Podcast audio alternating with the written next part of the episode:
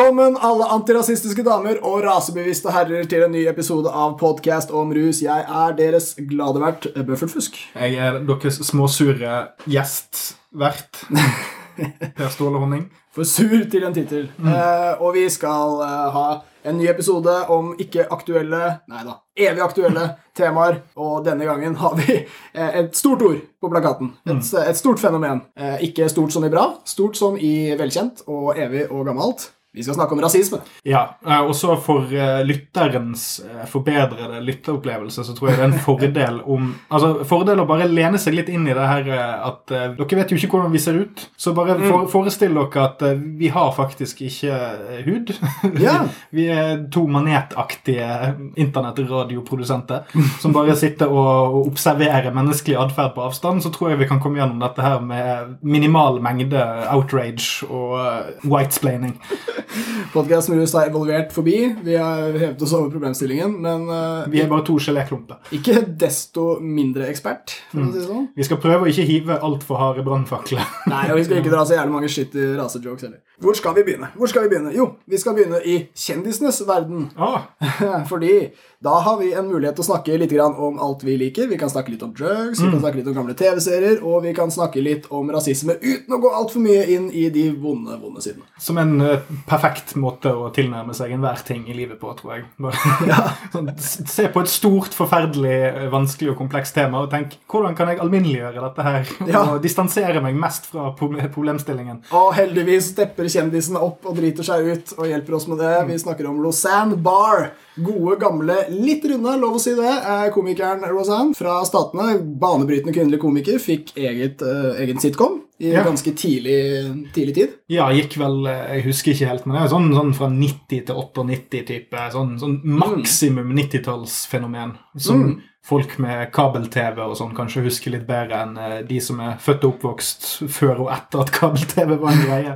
Ja, altså, dette var jo sitcomenes gullalder på et vis. Og igjen, tidlig ute ja, på kvinnefronten. Ja, og den er vel sånn Jeg har aldri sett noe annet enn sånn henvisninger til konseptet Roseanne, Nei. komiserien, gjennom ulike sånne nettvideoer og sånt. da. Men så vidt jeg har forstått, så eksisterte det Det var en ganske populær serie, Mm. og så eksisterte det litt i den samme sånn komiseriesfæren som Full House og Steve, eller Family Matters. Ja, den, uh, Urkel, yeah. ja, Mr. Steve Urkel. Altså den sånn komiserie for hele familien som kunne ta for seg litt sånn, sånn tunge, dype temaer, men alt gikk bra på slutten av episoden og sånn. Ja, det var Holsom. Mm. Ja, Wholesome. Og det, det jeg tror var det som var, gjorde Roseanne til en populær serie i utgangspunktet, var det at den var veldig sånn hvit eh, arbeiderklasseperspektiv, mm. som, som ikke nødvendigvis var i den her liberal left-leaning-sfæren som en del av f.eks. for eksempel disse afroamerikanske seriene var. Ikke at det var 100 eh, veiving med sørstatsflagg og, eh, og, og brenning av kors på, på plenen og sånt, men det var, det var mer fra et sånt vi er hvite arbeiderklasse og bor ikke i Hollywood. Ja. Som var en utrolig nok litt unikt når de mest populære TV-seriene var Venner for livet Ja. og Seinfeld, som var veldig urbane østkyst-komiserie med Mm. hippe folk og sånn. Ja, sant. Litt sånn uh, lavere middelklasse-type greier. Bodde ikke i en trailer heller, liksom, men ja. Nei, men de, de, de sleit med å få mat på bordet. Tror Stemmer. Eller sånn, Mm. det, det kunne være tøft med penger, og det var unge og John Goodman. Men ja, John Goodman, fuck yeah. Det lytteren nå spør seg selv om, er jo hvorfor vi snakker om fantastiske Roseanne Barr. Det er jo kanskje ikke rusrelevant, men jo da. Eh, Roseanne hun fikk nemlig fyrt opp eh, sin eh, serie på nytt. Det var en reboot som kom nå i, eh, i år. Men i mai 2018 så mistet hun denne jobben etter at hun hadde skrevet tweets av eh, rasistisk art. Ja, og det var sånn etter sånn seks episoder det var, det var, det var, De har ikke, nesten ikke kommet i gang engang. Ja, Så, så plutselig fyrte hun av rasistiske tweets og sånn. Og noe som er litt morsomt med dette, var jo det at det var jævlig gode seertall. Dette var en stor happening, egentlig. Og det var, var, var bra for TV-selskapet. Altså, Ah. dette var en god ting. Tommel opp. Eh, men det interessante med denne breakdownen her er jo at Roseanne Barr har jo lenge vært kjent i statene som en person som sliter litt. Eller, hun, eller som ikke er helt i vater. Mm. Ja, og. Mm. Og de siste årene før denne serien serien her kom på luften igjen, så har hun vært veldig aktiv på Twitter og veldig pro Trump. Ja, ja. Men ikke på en nødvendigvis spesielt sammenhengende måte. Altså, det har vært mye sånn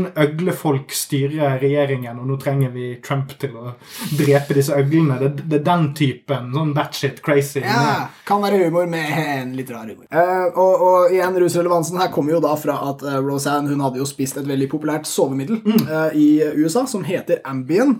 I hvert fall i merkevaren de selger der borte. Dette er et virkestoff som heter Solpidem. Og det er et sterkt hypnotika. Det er eh, ansett som en sånn kortvarig altså sovemedisin. Det er ikke noe- Du får resept på det, det må du ha. Men det er noe alle på en måte kan ta. Ikke fast, men den dagen de er trøtt, og så får de sove. Og så blir de groggy neste dag. Det som skjer med Solpidem, da, det er jo at folk har fortalt helt ville historier. og at de oppfører seg kjemperart. eh, går i søvne, eh, eller kanskje de til og med var våkne, eh, men husker ikke en dritt etterpå. Og gjør rare ting i leiligheten. sånn. noe. Eh, eh, hun skrev rare tweets. Ja. det var særlig én som eh, jeg tenkte å lese opp i sin eh, vakre helhet. Eh, og det gjør jeg fordi at dette er ikke, det er ikke grå rasisme, det er en dårlig vits. eh, den er på en måte ille, men jeg kan lese den. Det er vanskelig å vite intensjonen bak, Ja. er vel det vi kan konkludere Og denne ustabilheten må jo komme frem, og, og bra, bra språk der. Det hun skrev, var Muslim Brotherhood and Planet of the Apes had a baby er lik VJ. VJ eh, refererer her til Valerie Jarrett, en uh, dame som jobbet under Obama i Det hvite hus. Og hun er afroamerikaner. Ja, i hvert fall delvis. Ja, og, og det er vel uh, også viktig. jo også veldig, veldig opptatt av hvor mange grader av afroamerikaner du er. Så det, det er vanskelig å holde tungen rett i munnen her, så vi skal prøve å holde de geléaktige klumpene våre godt plassert. vi skal det. Vi trenger ikke å, å, å grave litt i, i hennes rolle.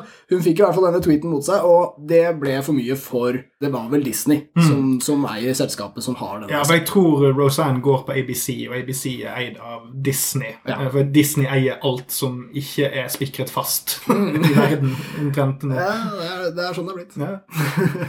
Og um, da skyldte jo Rosanne på denne pila etterpå. Og det, det kan jo absolutt være relevant for hennes uh, opplevelse. Men det er jo også et veldig utbredt preparat. Det er over 10 millioner resepter på det her i USA årlig. Og du kan få det reseptfritt. Uh, det tror jeg ikke, men Ok. det det er amerikanske resepter. Ja. Så vi snakker uh, gå til legen, og så ordner det seg. Uh, men- slikkepinne etter at du har fått sjekket uh, prostatatype. ja, Jeg vet ikke om du får det, men det var bare et bilde som dukket opp i hodet mitt. bør få det. Eh, men det er eh, i USA, så i hvert fall hvis du har råd, da, så er det ikke noe problem å få tilgang. Eh, og selskapet som lager Ambien, de har navnet Sanofi uh, med sitt selskap, og de benytter jo anledningen etter at Rosanne hadde skyldt på, på dette stoffet, til å si at, skrive en tweet der de skrev at alle medisiner har bivirkninger, men rasisme er ikke en bivirkning av Ambien. Som var ganske clever. Ganske clever. Ganske clever. Ja, det var det. De kan ta kontant avstand, men samtidig være litt morsomme. Ja, Og, og virkelig få satt i leserens øyne hvor landet ligger. Det er dette vi snakker om nå. Det er rasisme. Det er ikke nødvendigvis bivirkning av Ambien. Ja, ja. Abs absolutt. Og sparker Roseanne når hun er nede, men jeg skjønner jo hvorfor. Altså, det, de Ja, vil jo beskytte merka si. Ja, og så, fikk jo Rose, Roseanne og sparken fra TV-serien Roseanne yep. av Disney på grunn av dette. her. Fordi alle amerikanske selskaper har berøringsangst når det gjelder kontroversielle temaer, for alt er en brand i dag. Ja. Så, med, Folk og alt. og vi har en nyhetssyklus som er enorm, så for å vise at man tar grep mot rasisme, Ja. så er en sånn ambien-fylla tweet mer enn god nok unnskyldning til å, å hive seg på og bare bli kvitt problemet med en gang, Ja. Mm. som er Roseanne Barr. Men nå skal ikke jeg sant, Igjen, nå må ikke jeg ramle ned på Jeg, jeg vet ikke.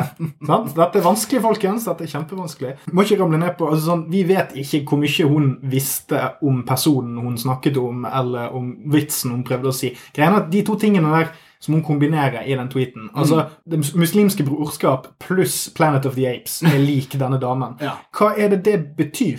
Det er, det er veldig mye tolkningsarbeid vi er nødt til å legge inn her ja, det er, er poenget mitt. Eh, og det kan godt ha vært rasistisk ment, men det vet vi egentlig ikke Nei, vi gjør egentlig ikke det. Og, Hun kan ha nevnt det verste hun kom på. ja, og, og, og, og saken la, la oss anta at hun var på MBN, da, at det ikke bare er en unnskyldning. Ja, ja. Men det er i hvert fall Ja, ting sure. som ligger eh, eller som ligger litt oppe i dagen om br- Ambien-bruk, som er litt interessant. Fordi vi har jo allerede, nå nevnte jeg jo vi, du må gjøre en del tolkningsarbeid, og inntrykket mitt er at Ambien kanskje er en ting som gjør at hjernen din begynner å fungere på vis som gjør at du kanskje ikke er så forbanna sammenhengende hele tiden. Ja.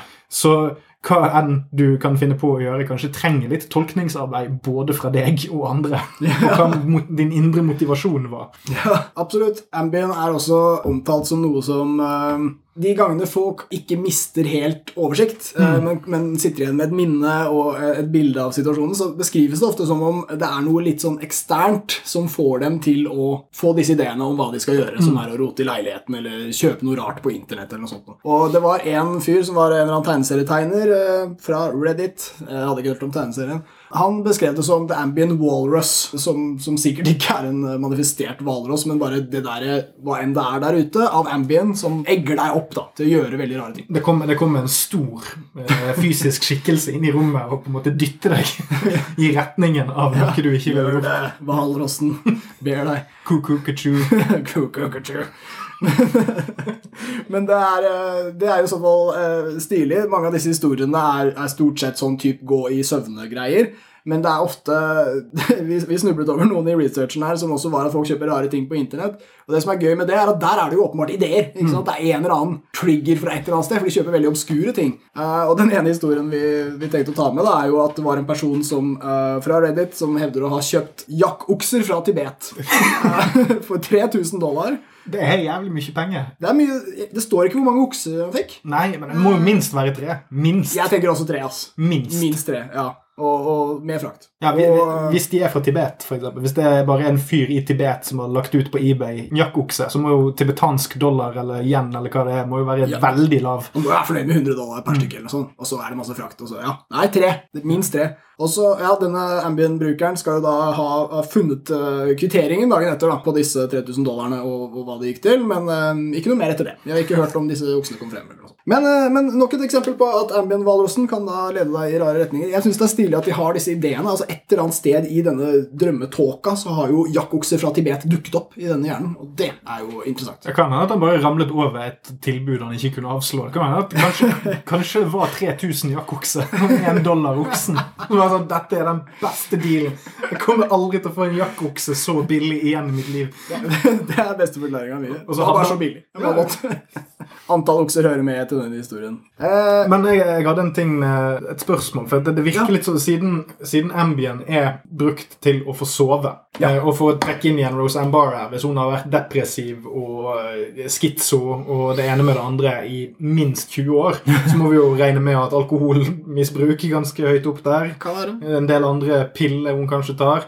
Så- ja, så Og da kommer jo misbruk av sovemedisin på toppen av veldig mye av sånne ting. Så det er ikke usannsynlig at hun er en ganske heavy bruker. Nei, det Men at, at man gjerne gjør rare ting i søvne på Ambien òg. Ja. Men man gjør jo gjerne rare ting i søvne hvis man er en person som går i søvne òg. Ja. Jeg har hatt noen veldig snodige eh, opplevelser i barndommen som jeg ikke skal nevne nå, men eh, jeg har gått i søvne og gjort en del rare ting.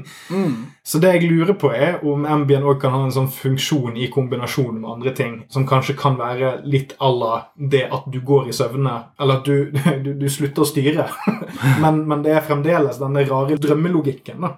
Som, Ja. som går at det kan hende at man da blir sittende og gjøre ting når du er lys våken, som kan minne om det å, å gå i søvne. Ja, altså rare koblinger, men som du kan se en slags logikk bak, men du ser ikke du ser ikke den røde tråden. Ja, ikke sant? Om det er underbevissthet eller en slags autopilot. Men mye av problemet er at de har jo tydeligvis et sånt hukommelsestap. Så om de var våkne eller sov, selv det vet de jo ikke. Det, bare, det skjedde masse rart i går, og jeg husker ikke en dritt. Men det må ha vært jeg som gjorde det. Det høres helt jævlig ut. Det høres ut som en bieffekt eh, som er verdt å unngå. Og så blir du trøtt dagen etterpå. Det skriver de alle sammen. Og det er sånn, altså, når du tar en pille på kvelden fordi jeg har så lyst til å bli trøtt, og så neste dag så er problemet ditt og jeg er så jævlig trøtt. Det er ikke så bra pille. Nei, det, Eh, Du må si det. Og, og igjen, veldig bra triks fra, fra Ambiensens side å, å få eh, fokuset 100% over på rasisme og 0% over på mulige bivirkninger av det de produserer, og som er de sitt merkevarenavn. Sanofi sier 'la oss holde fokuset på rasisme' her. Ja. ikke på Ambien. Grunnen til at denne saken her er interessant, er det at det er psykisk sykdom involvert, Ja. og det er en person som er helt åpenbart ikke er riktig i vater generelt. Ja. Så det kan godt være rasisme, ja, men man kan ikke heller ekskludere at dette sovemiddelpreparatet gjør veldig rare ting med folk som allerede er veldig rare. Ja. Og at det kanskje kan være et problem som USA kanskje kunne snakket litt mer seriøst om, dersom Det var ikke løsningen bare var 'Å ja, vi sparket denne personen'. Ja. Nå, nå er problemet over. Ja, ikke sant? Ingen problem Ambien fra nå av. Rose Ambar Barr er satt ut i skuret der hun er hjemme. Solved. Ja. You're welcome. Så jeg, jeg tror min konklusjon på hele denne problematikken her er ikke Jeg syns ikke så forbanna synd på en mangemillionær som sliter og sa noe tull på Twitter, men det er mer det at man ser at her var det kanskje et større problem med medisinbruk i USA Ja. som forble lite dekket. Meget forenklet. Det er også en greie med, med disse holdt på å si, Når folk skriver rasistiske vitser på internett, de tas ut av kontekst, og så blir de stående for alltid, eller holdt på å si metoo-saker og sånt noe. Altså, det er vanskelig å si hvilke konsekvenser det burde få. Uh, men det som er at Roseanne Barr har gått over en strek her. Disney vil ikke ha noe med det å gjøre, så at hun mister showet sitt, det kan være riktig. Men at hun skal være ute i kulda for alltid, syns jeg ikke er bra. Og spesielt ikke hvis det som så ganske åpenbart har å gjøre med psykiske problemer her. Så burde man jo da ikke avskrive folk, heller prøve å hjelpe dem. Selvsagt. Så ikke avskriver du oss han helt ennå. Kanskje hun går tilbake uten Ambien, fit for fight. Ja, da er det jo bare klinisk depresjon og schizofreni igjen. Så da, ikke sant? Kvitt rasismen, fortsett med de andre. ja, Og øglefolk og Trump. Og, det, er ikke, det er ikke nødvendigvis en bra person, dette, her, for å si det sånn. Ja, men vi, altså, vi kan ikke snakke om rasisme og rusmidler. Eh, Det er ikke rusisme, forresten. vet Jeg vet jeg nevnte begrepet der før. Det blir jo da bare å, å, å hate folk som ruser seg. eller noe sånt. Men vi kan ikke snakke om det uten å snakke om krigen mot narkotika. Og snakke om det glade 60-tallet, om eh, Richard Nixon og den der gjengen der. Det som er veldig bra hvis man er fast lytter av oss, er jo det at du, denne 60-, 70-, 50-tallsnostalgien som har eh, smittet utover det brede lag i befolkningen, den er ikke så veldig aktuell. Nei. Blir på en måte vaksinert litt mot at alt var bedre før. For at Ja. på veldig mange måter så er ting mye bedre nå. enn Ja. det var før. Og vi er født etterpå og har lest om denne grusomme tiden. Jeg har ikke noe fette klær fra tiden, ingenting. Vi har bare en grusom info her. Nei. Så for oss virker det ikke særlig koselig. Ingen gode minner. Hvor skal vi rett og slett begynne? Vi, vi kan jo ta Harry Anslinger. Gode, gamle arkitekten bak krigen mot narkotika. Og hans eh, nydelige sitat om at marihuana fører til at hvite kvinner søker selskap hos svarte menn. Ja, så, Så kan vi begynne der. ja, for hvis, hvis noen hadde tweetet det i dag, så burde de definitivt ikke få lov til å ha en komiserie på TV. Såpass sterkt Det, Det er et par divisjoner over. Ja, altså her, her er det en person som da var stiftende leder for det som i dag er Drug Enforcement Agency. Ja, Men dette er da forløperen, som ble stiftet i 1930, eller så var rett etter Mm. at alkoholforbudet forsvant. Og han leitet etter noe han kunne bygge opp en ny maktbase rundt, og da fant han eh, marihuana, blant annet. Marihuana og rasisme. Ja, og hva enn som var brukt både her og der. Det var litt heroin og det var sånne ting. Det var en opiumslov de lagde på slutten av 20-tallet og 30-tallet, som var liksom den aller første begrensningen av stoffbruk. Eh, og så kom jo det glade 60-tallet etterpå med Nixon og sånn, og da var Hanslingers arv bevart. Han hadde jo jobben sin i 32 år, eller hva det var. Og av de tidlige lovene der, så kan jeg jo definitivt si at opiumslovene mest sannsynlig var mye mer etisk riktig. Ja, Der og da ut ifra vitenskapen man hadde, og observasjoner man kunne gjøre. Så er ikke det nødvendigvis den dårligste moven du kan gjøre, sånn sett, selv om det òg har fått forferdelige konsekvenser. Nei, absolutt. Og, og verdt å nevne her at opium altså vi hadde jo, Britene hadde jo opiumskrigen og sånt med Kina, og det var jo mye tidligere. Men kinesiske arbeidere var jo til stede i USA og, bygde bl.a. jernbanen i landet og sånt. Og, Under tilnærmet slavelignende Helt forhold. Eller ikke tilnærmet engang. Det var vel mer eller mindre at de var ja, lønnsslaver, da. Jeg tror det var, de var fanget når de først var der. Ja, ja, det er helt grusom historie, det der. Og de hadde jo med seg visstnok både opium og cannabis, i sikkert ikke ganske varierende grad. Men dette ble jo knyttet til disse gruppene, og senere kom meksikanerne med langt mer cannabis, så vidt jeg har forstått, og så har man senere også knyttet cannabis eh, som et slags problem med, med afroamerikanere og etterkommerne av svarte slaver. Så det, har, det spiller liksom, har ikke så mye med weeden å gjøre. Eh, og det handler mer om å og Kanskje ikke å rase heller, nødvendigvis. Det handler om minoriteter. Det handler om å undertrykke de andre, og gjerne de svakeste iblant. Altså Om huden er rød, gul eller svart, det var ikke så viktig, fordi weed er nøkkelen til å kontrollere disse gruppene. Og, og spesielt altså sånn med kineserne, for eksempel, så var de jo enda mer fremmede enn svarte var. Svarte var jo, Dette var Ja. jo rett, rett før eller under eh, når frigjøringen av svarte var. Sånn, så svarte var jo slave, og allerede etablert i et sosioøkonomisk hierarki Ja, som sant. eiendom av hvite. Enig. Så, så kinesere var på en måte en egen gruppe som måtte håndteres på en egen måte, for de var enda mer fremmed. ja, ja. Aldri amerikanske i det hele tatt. Nei, nei, det var jo ikke svarte heller på den tiden, men her, her, kommer de, her kommer de liksom inn i landet i sanntid. Ja. Og så tar de med seg sine forferdelige rusvaner som Ja. de ikke kjenner til. sant? Og da baller det fort på seg når, når hvite, rike menn begynner å bli redde. da må alle andre begynne å bli redde for egen eiendom og helse. Ja, altså.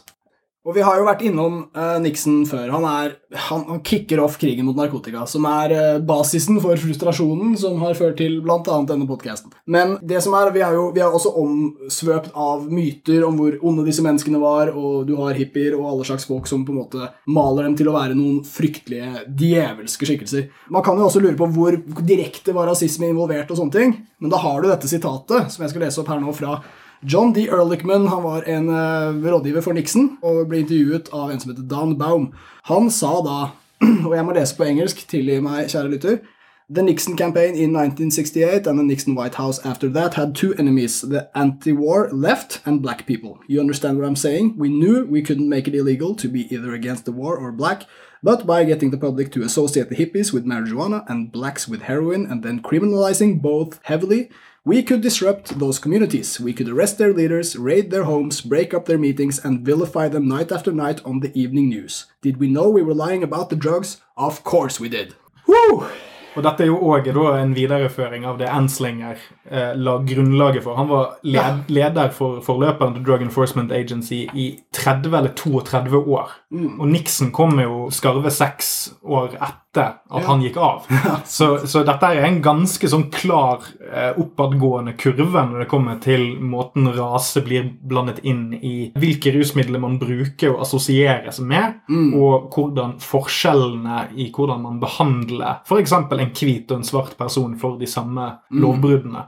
Eller i hvert fall hvordan man kan separere ting som er mer økonomiske handlinger, og gjøre de mer straffbare eh, fordi at de er mer assosiert med svarte. Mens rusmidler som blir brukt av hovedsakelig hvite, eh, blir behandlet på en annen måte. Eh, mindre strengt. Det kommer vi, litt, vi litt tilbake igjen til etter dette med Nixon. Men det bare, for å virkelig få hamret inn hvor rasistisk Nixon var. Og her to, to løsrevne sitater.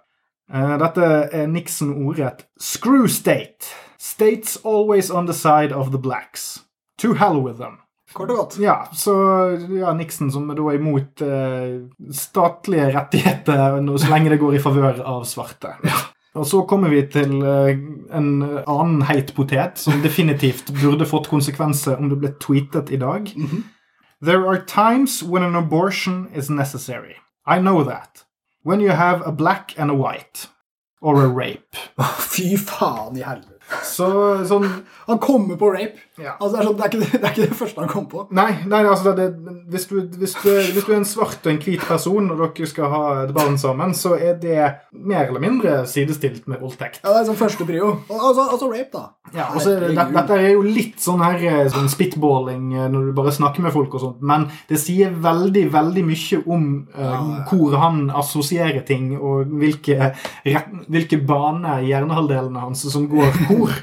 Ja. Eh, og sånn Før noen begynner å rope om at han er sitert ut av kontekst, og sånne ting, som en del folk er veldig glad i å gjøre nå for tiden, så kan jeg jo legge til at dette her er sitatet som er tatt opp på lydbånd som Nixon sjøl fikk installert i Det hvite hus. Så vi har mye mer dokumentasjon på Nixon sine meninger om nesten hva som helst enn en hvilken som helst annen president. Eh, og disse her er jo òg da frisluppet til offentligheten av eh, The Nixon Presidential Library, som da, eh, for de som ikke har fulgt helt med i timen, er et bibliotek som er oppkalt etter Nixon. Ja.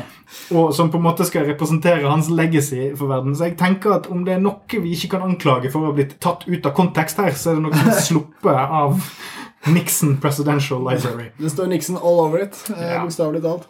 Men dette er helt, eh, helt ekstremt rasistisk. Helt fryktelig greie. Og det er jo en sentral motivasjon for det som skjedde, som er videreført gjennom historien til i dag. Eh, vi er, altså, Både i lovverket og i språket som brukes om dette her, så fins denne grusomme arven til Nixon. Det er ikke en bagatell. eh, det var sentral motivasjon, og det er ikke lenge siden. Dette er knapt 50 år siden. Dette siste sitatet er fra 1973, og det var jo da det året rockebandet Kiss ble stiftet. Og for de, som ikke, for de som ikke har fulgt med i timen, så er jo rockebandet Kiss fremdeles aktiv. og skal nå legge ut på sin andre avskjedsturné. Oh. Så dette er ikke ett rockeband siden engang. Nei, det er faen ikke det engang. Det er litt av et band, men likevel. Nei, det er ferskt. Det er faen meg ferskt. Veldig ferskt. Ja, eh, og jeg ble veldig fristet til å trekke en litt lengre linje opp til han eh, bavianen som vi har sittende på det samme kontoret i dag, da. Ja, er- Fordi, sånn for, for å prøve å bygge opp et litt bedre argument enn det vi kanskje har gjort så langt, så vil jeg si det at hvis man har fulgt litt med på hvordan Trump oppfører seg i, i egenskap av å være inneha eh, presidentembetet, så ser man at det får enorme konsekvenser i så å si alle ledd av government og alle ledd av politi og, og, ja. og håndheving av lover og regler. Altså, han sender signaler. Han trenger ikke engang å skrive en ordre om at noe skal gjøres før folk begynner å oppføre seg dårligere enn det de egentlig skal. Det var en kort tid etter at han ble satt inn som president, så begynte grensevaktene til Canada, amerikanske grensevakter på amerikansk side, å oppføre seg dårligere mot folk med brun hud som kom inn fra Canada. Samme uken, nesten. Wow. Og så for å trekke dette litt tilbake til Nixon, så har dette her vært det å sitte på toppen og ha disse meningene. Samme om du ytrer de på en talerstol. Det er jo forskjellen. Nixon holdt dette ganske tett til brystet. Det var Watergate som fikk han eh, ut av det ovale kontor. Ja, stemmer. Men disse signalene sendes til folk han snakker med. Og de sendes videre fra de folkene han snakker med, nedover i systemene, nesten uansett hvor det er. Så når det sitter en blodrasist på toppen og kicker i gang en av de mest sinnssyke krigene på fattige som noensinne har blitt satt i gang i verden, som er the war on drugs, så må man, som eh, når man sitter og analyserer disse tingene, kunne anerkjenne at dette her er i DNA-et til det vi snakker om. Det er, det er aldri separert vekk fra rusmiddelet. Hver gang et rusmiddel er forbudt, så har det faktisk rasistiske konsekvenser. Fordi at ingenting er apolitisk. Ingenting eksisterer i et vakuum. Så det syns jeg.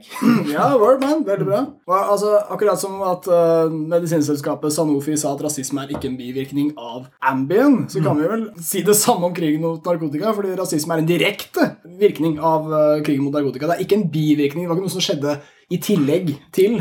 Det skjedde på grunn av, i veldig stor grad. Ja, eh, og dette er fremdeles i kraft i dag i lovverket. Vi har nevnt det før, men her er et ganske konkret eksempel. Vi fant det, Dette er fra The Sentencing Project, Project, som er en uavhengig organisasjon som vil ha straffereform. Da, så de er ikke nødvendigvis fokusert på straffe for uh, rusmidler, men de er, de er åpenbart uh, en interesseorganisasjon som vil endre måten dom- og straffesystemet i USA fungerer. Og der er det bare sånn ett løsrevet sitat derifra som er veldig interessant, og det er jo det at crack-kokain der har du en minimum femårsdom dersom du har 28 gram på deg, eller, eller du blir tatt med det enten det er hjemme hos deg, eller whatever. Og det betyr at du minimum får fem års straff. Ikke sant? Det er minimum. Ja, Men når det gjelder kokain, så er det en minimum femårsstraff dersom du blir tatt med 500 gram. Og gjett hvem What? som bruker vanlig, hvit og pur kokain. Det er Vanlige hvite pure folk. Ja. Gjerne med penger til advokat og litt sånne ting. Stryk pure. Mens, ja. og, mens crack er, siden det er billigere og røykes og litt sånn, så er det mer vanlig i fattigere strøk, og da gjerne i afroamerikanske neighborhoods og communities. Absolutt. Siden afroamerikanere pga.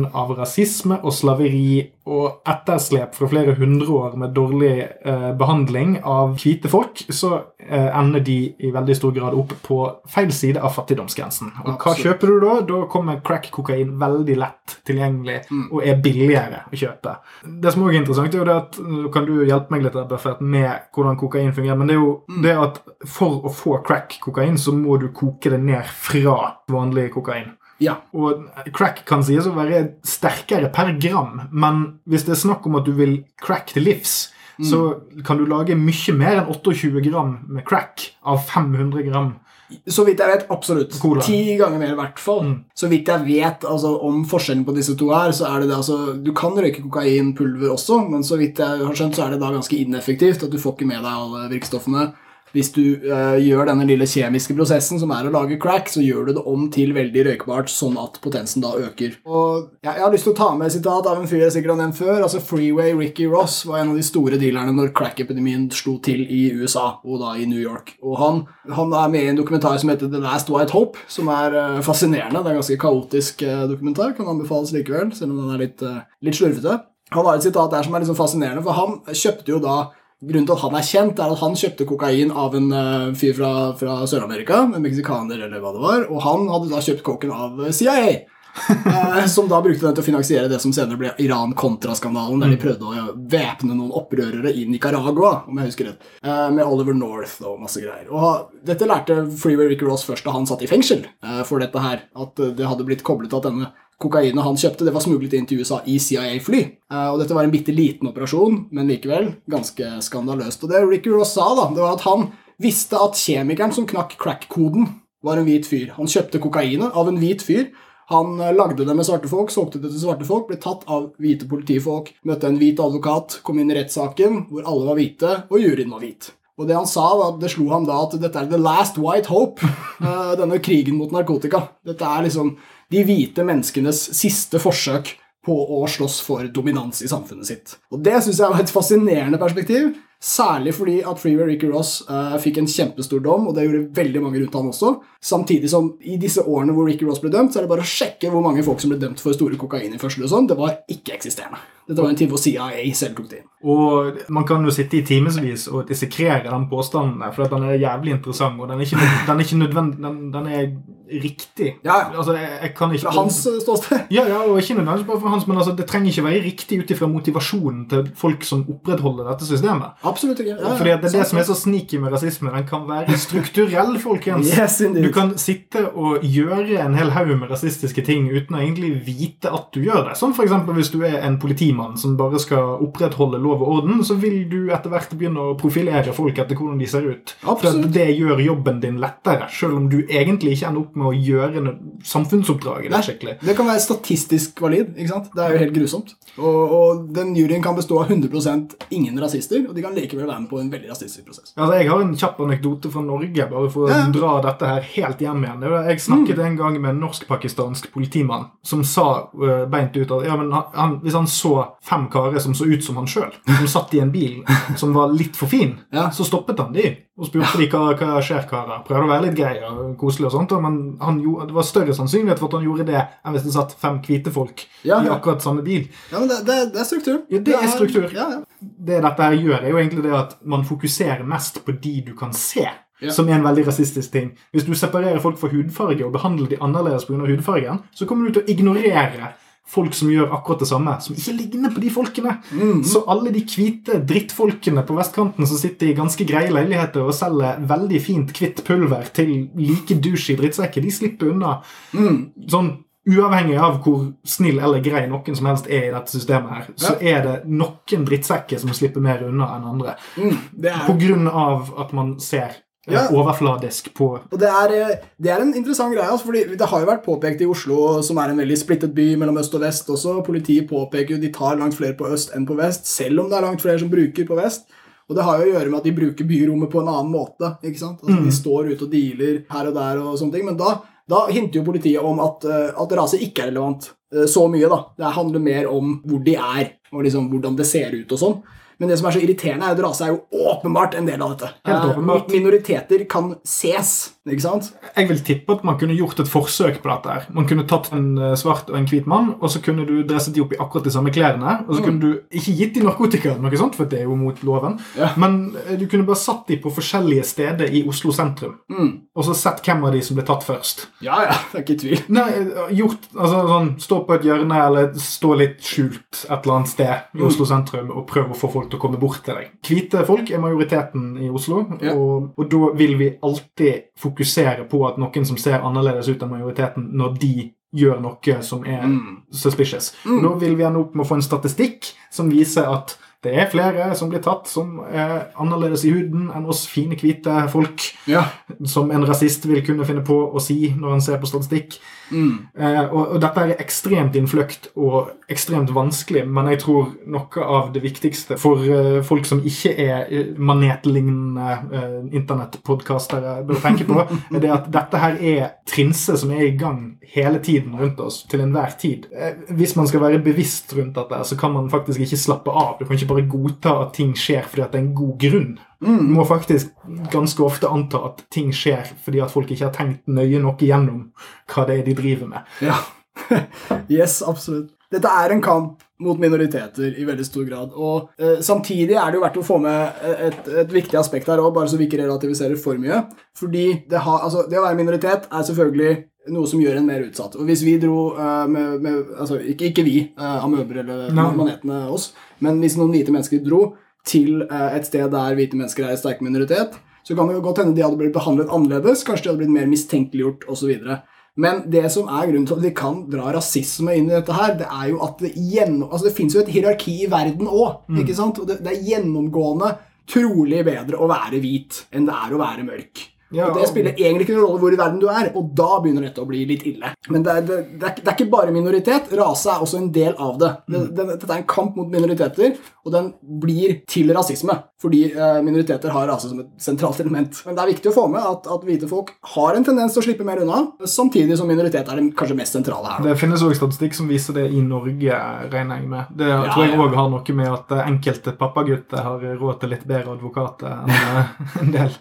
Ja, og, og ressursstyrke på andre måter. Altså bare, bare du kan snakke, bare du på en måte er god i språket, da, for eksempel, og virkelig nailer Viser at du har ressurser, at du kan rettighetene dine, sånne ting, så, så slipper du billigere unna med en gang. Så er det. For eksempel det å vite at du ikke må si noe til politiet annet enn hva du heter, og hvor du bor, og hva du jobber med. Ja, ja. Det er vel det du er nødt til å si til politiet. Mm. Og at du ikke under noen omstendighet er nødt til å snakke med dem uten en advokat til stede. Og sjøl da er ikke du nødt til å snakke med dem. ja, absolutt. Så eh, du må gjøre som de sier, men du må ikke si noe mer enn det. Altså det og det er òg et klasseperspektiv. Altså, Ja. det, altså Klasse er definitivt involvert her, men Det siden rasisme òg er en del av et, en, en klassediskusjon ja, som igjen vi kan trekke litt tilbake til Roseanne Barr og denne hvite middelklasseserien hennes.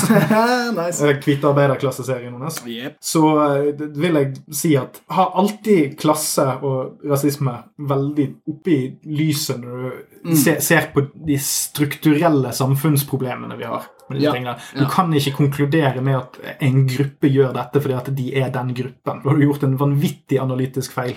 Mm. Og se på denne altså I samfunnsvitenskap kaller vi det for otherism. Altså Se hvordan visse grupper ikke klarer å komme overens innenfor ja, sin hudfarge, eller noe sånt. da. Og så dukker det opp en eller annen form for ytre trussel, og vips, så har man samling internt. Du kan se gamle fiender bli venner igjen over en ytre trussel. Dette er veldig sentrale deler av dette. Vi leter etter de andre. Og der blir rasisme på en måte det, det best brutale og enkleste, dummeste uttrykket. Men, men det vi egentlig driver med, er å alliere oss og da avskrive andre grupper. Og rett og slett bare prøve å finne de som ødelegger for oss. Eller for å ta det i en rasistisk kontekst, de som prøver å stjele tingene våre. For det er jo det store innvandringsgreiene. De kommer fra sine land, og så skal de ta tinga våre. Og våre kvinner. Og kvinnene våre. Å ja da. Det er spesielt sårt. Ja, det er jo gode Vi gamle, strekker ikke til. Åh.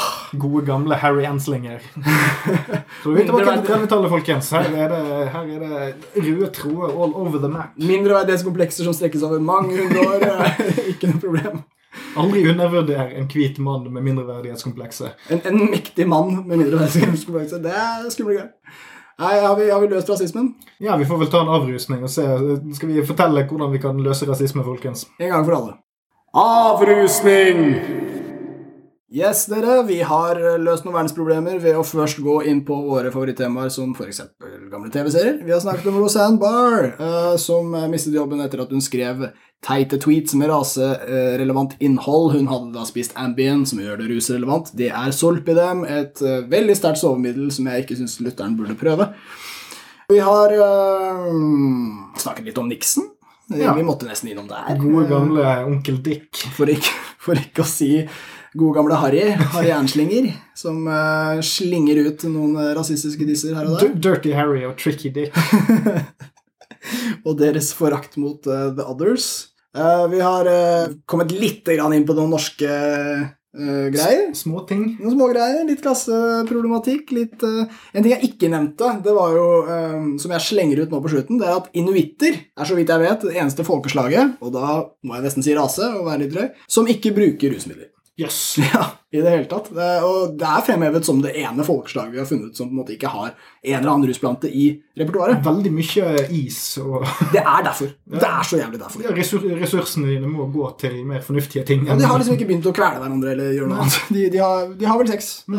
det, that's about it. Jeg- Sex og overlevelse. Jeg har òg en liten anekdote, eh, ikke anekdote, bare en liten kommentar til dette med Ambien-bruk. Ja, det er jo det at eh, i en eh, tid der veldig mange ligger og kikker på mobiltelefonene sine rett før de skal sove, så er det ikke Mm. rart at eh, en del folk eh, tyr til rare sovemidler for å få ting til å gå rundt. Nei, jeg må si det, folkens. Eh, basic søvnproblemer, lett overvekt og sånn små litt sånn ubehag i psyken og sånne ting. Dette er ting vi trolig kan håndtere med livsstilsløsninger, trening og mat og sånn, altså. Må bare si det. Det er lov å ta litt grann tak. Bryte noen mønstre. Kanskje se om vi får sove. Altså, det, det går an, det. Ja. Piller er enkelt, og de er jævla tunge. I hvert fall de der. Så ja, se, stirr litt på livet ditt. Ta og Mikser opp litt, grann, så slipper du å skrive rasistiske tweets og miste sitcomen din. Ja, Som er et problem eh, jeg har til stadighet. Det kan skje. Det kan fort skje. Ja, altså det, jeg, det var Forrige uke hadde jeg mistet uh, min eh, starring uh, TV-roll som uh, formløs manet nummer én i Manetgalaksens uh, hit-komedieshow Flabby But Loose.